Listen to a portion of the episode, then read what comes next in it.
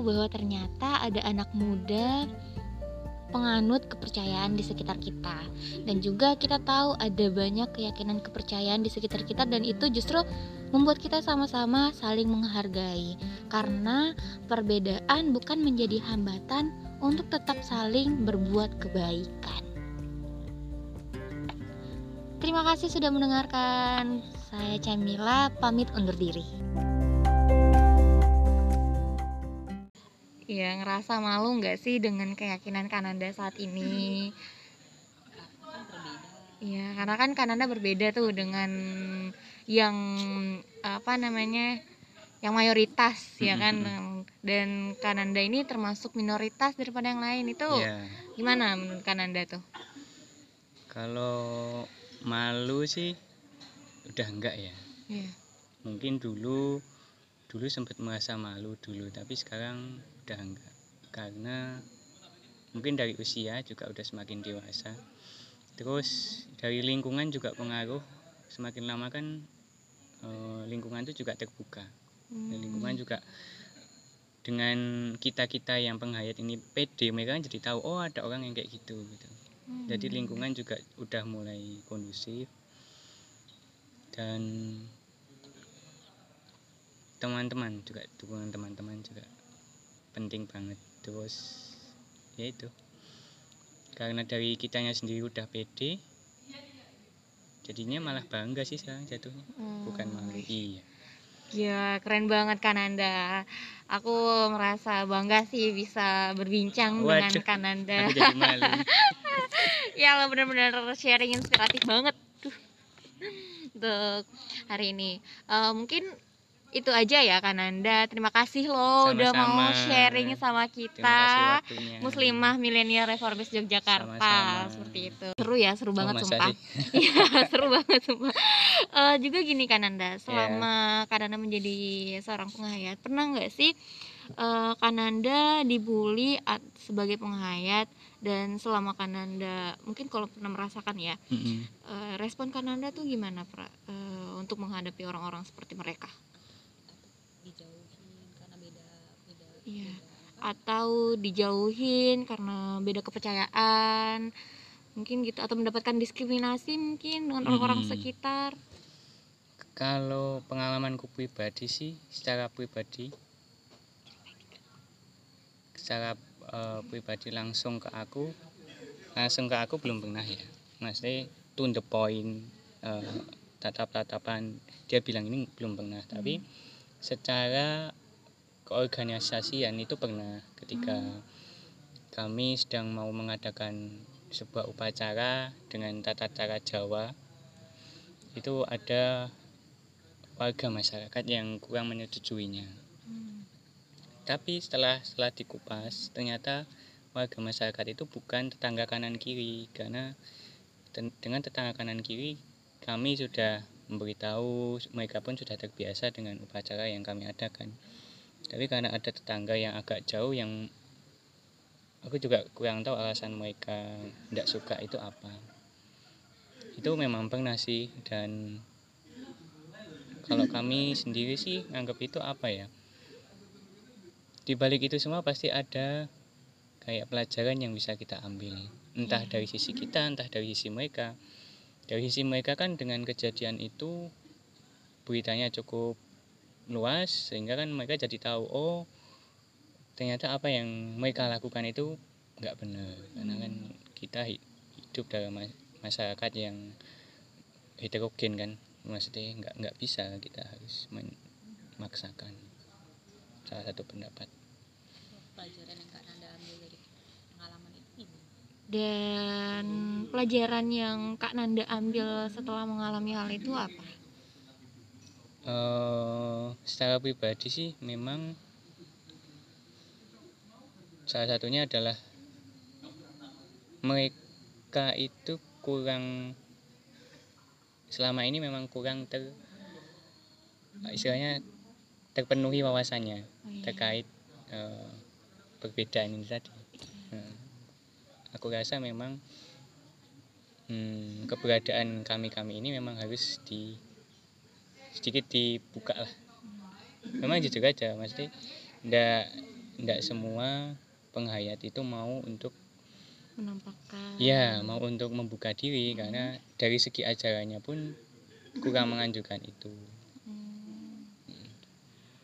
oh iya Kananda ya Eh, pesan Kananda untuk anak-anak muda dan siapa pun itu agak kepada mereka apa ya? Iya, yang memiliki kepercayaan yang berbeda, mungkin bisa berikan sedikit pesan atau kesan iya. Kayak orang tua ngasih Ya, pesan. Iya sih.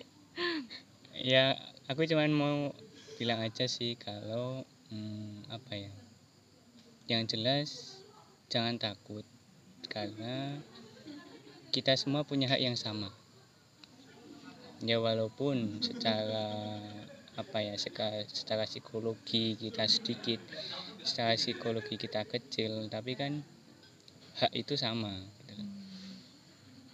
Selama kalian yakin selama kalian eh, hati kalian mantap untuk ada di jalan itu jalanin aja pasti ada jalan. Gitu aja sih. Buddha itu kurang lebih sama kayak eh, agama yang udah ada di sekitar kita ya orang-orang Hindu dan orang-orang Buddha. Memang dia nanti eh, lebih esensinya dia lebih menekankan pada kearifan lokal. Jadi dia membaur sama kearifan lokal yang ada di sekitarnya dia. Misal kalau Hindu di Bali dia dengan tradisi bercampur dengan tradisi orang-orang Bali di Hindu di Jawa pun ada. Memang persentasenya sangat kecil tapi mereka ada gitu loh. Dan mereka juga lestari dan bisa menjalankan aktivitasnya sesuai dengan apa yang mereka yakini. Kalau secara ibadah kurang lebih sama sama Hindu dan Buddha mainstream yang ada di Indonesia tapi dia lebih menekankan pada kearifan lokalnya itu tadi kearifan lokal. Untuk contoh kearifan lokal itu gimana Kananda oh iya. Itu nanti hubungannya sama yang tadi kenapa kenapa tadi aku bilang bisa penghayat bisa bukan? Karena Iya. dia melekat ke kearifan lokal. Kearifan lokal itu nggak jauh-jauh dari kayak sesaji terus Oh. kayak eh, puasa-puasa puasa-puasa Jawa. Jadi lebih ke arah sana Eh, tapi kan gini Kananda Hmm. untuk sesaji itu sebenarnya ditujukan kepada siapa sih Mm-mm. Kananda untuk sebagai seorang penghayat itu Ya, mungkin ya ini untuk gambaran umum bagi orang yang di luar penghayat ataupun di Hmm. luar Hindu Buddha mempersepsikan sesaji itu hanya untuk eh, sebuah apa ya sebagian golongan aja misal golongan bawah atau gimana? Atau makhluk-makhluk yang kurang beruntung daripada kita atau gimana? Tapi bagi kami sebagai penghayat ataupun orang Hindu Buddha sesaji itu sebenarnya ada tiga tingkatan minimal. Ada tingkatan atas tingkatan tengah dan tingkatan bawah. Jadi nggak nggak semua melulu sesaji itu istilah kasarnya adalah makanan setan Hmm. bukan? Tapi ada juga yang untuk tingkatan tengah dan tingkatan atas. Terus ini juga menjawab mungkin sekaligus menjawab ya yang iya. yang mungkin di benak teman-teman di luar sana. Apakah benar sih orang-orang penghayat atau orang-orang Hindu Buddha itu ketika melakukan sesaji itu eh, menyembah atau menganggap makhluk-makhluk yang di bawah itu Tuhannya atau bagaimana? Iya. Atau sebagai apa ya istilahnya ngasih makan atau gimana? Bukan. Bagi kami itu adalah salah satu bentuk harmonisasi. Jadi Hmm. istilahnya ya bagi yang percaya dan bagi yang nggak percaya ya silakan. Tapi bagi kami makhluk yang nggak kelihatan itu memang tidak kelihatan tapi bukan berarti mereka nggak ada Hmm. kita menganggap bahwa mereka ada dan mereka itu cuman hidup di alam lain tapi tempatnya sama sama kita sebagai tetangga yang baik daripada kita konfrontasi dan eh, mencari masalah dengan mereka nenek moyang kita dulu mengajarkan untuk supaya berharmonisasi sama mereka bukan berarti kita menyembah mereka bukan tapi sebagai tetangga yang baik kita saling menghormati saling menganggap bahwa kita ada dan saling menghormati karena itu bener nggak sih sesaji itu juga buat ungkapan syukur ke Tuhan Oh, gini juga kan Anda. ya Eh, benar nggak sih sesaji itu sebagai ungkapan syukur Mhm. kepada Tuhan? ya Menurut kan Anda gimana?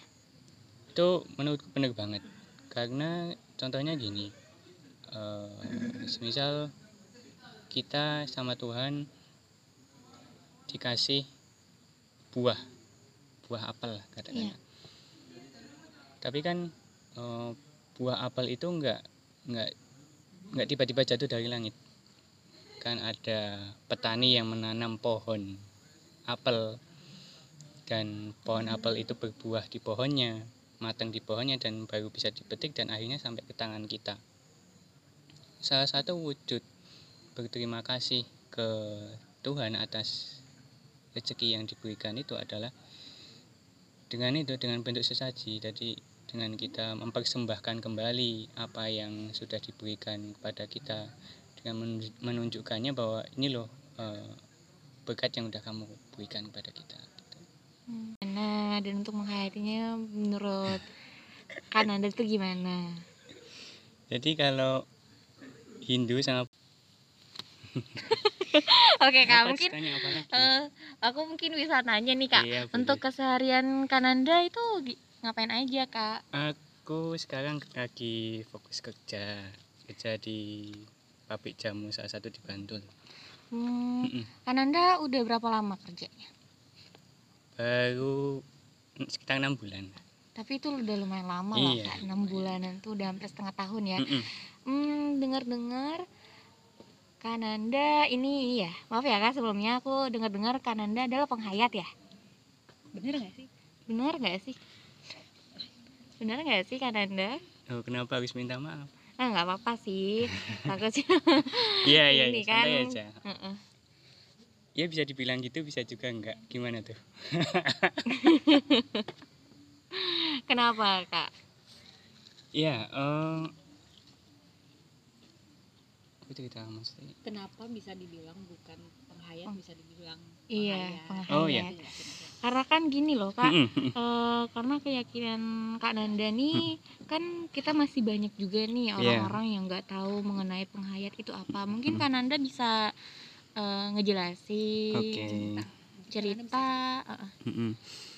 Jadi sepengalamanku ya, yang namanya penghayat itu adalah mereka-mereka yang lebih memilih jalan untuk eh, menemukan kedamaian bertemu dengan Tuhannya itu dengan tata cara atau jalan-jalan yang dipilih sama leluhurnya zaman dulu terutama s- misal contohnya yang lebih dekat sama kita kan Jawa ya. Jadi Hmm. dia lebih ke bagaimana sih orang Jawa itu berdamai dengan dirinya sendiri bagaimana orang Jawa itu eh, memahami Tuhan dalam tanda kutip konsep yang mereka lebih cocok karena itu lebih sesuai dengan jadi diri mereka ya sekilas kurang lebih kayak gitu sih Hmm. terus kok bisa dibilang bukan Eh, terus kok Kak Nanda bisa eh, tadi bilang bisa dibilang bukan penghayat. Terus sebenarnya Kak Nanda apa? Oh, iya. Jadi eh, dasarnya adalah itu tadi. Kenapa dibilang bukan? Karena yang namanya penghayat itu mereka lebih fokus kepada tadi itu eh, kalau misal yang dekat di antara kita kan kejawen ya. Jadi segala sesuatunya berhubungan sama tata cara Jawa. Nah kalau aku pribadi itu lebih ke campuran atau gabungan sama Hmm. utamanya adalah eh, Hindu oh Hindu. Hindu dan juga sebagian Buddha. Hmm. itu berhubungan sama eh, nenek moyang kita dulu nenek moyang kami dulu yang kami yakini dari eh, kerajaan Majapahit. Yang kita tahu kalau kerajaan Majapahit itu dia lebih ke dulu keyakinannya adalah Hindu dan Buddha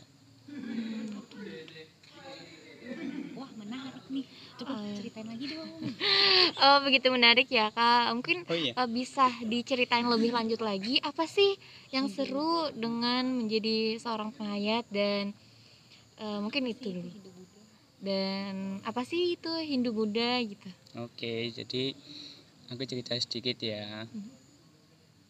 Apa sih yang menurutku atau dari sisi aku jadi penghayat atau mendalami Hindu Buddha itu menarik? Karena justru menurutku adalah orang yang beruntung. Itu orang yang bisa tahu jati dirinya itu sejatinya kayak apa gitu jadi kalau aku sih percaya yang namanya simbah atau leluhur kita dulu itu nggak mungkin mengajarkan sesuatu atau menurunkan sesuatu yang buruk untuk anak cucunya dari situ aku mulai eh, menggali ke dalam diriku sendiri aku tuh siapa sih terus eh, aku ada di mana dan bagaimana seharusnya aku bersikap. Dan ketika aku semakin dalam menggalinya, oh ternyata aku orang Jawa. Oh iya orang Jawa itu eh, terkenal dengan tata krama, terkenal dengan eh, istilahnya unggah-ungguh. Nah, tata krama unggah-ungguh itu berasal dari mana? Dia bisa tercermin atau dia bisa tercipta kalau hati dari orang yang menjalankan tata krama itu jernih. Jadi dia bisa menjalankan tata krama atau sopan santun yang bahasa sekarang ya atau kayak semacam itu tadi berdasarkan dari hatinya hatinya yang bersih. Hmm, terus eh, Hindu Buddha itu gimana? Aku baru dengar nih kak, mungkin Oh, bisa iya. dijelasin. Hindu Buddha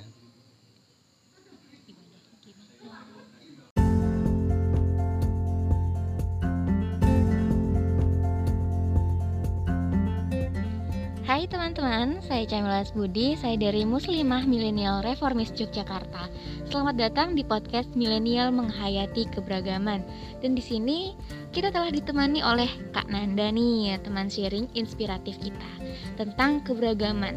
Mungkin kita bisa langsung aja nih kenalan sama Kak Nanda. Halo Kak Nanda, mungkin bisa langsung kenalan nih Kak. Halo halo Perkenalkan namaku Ananda Ranu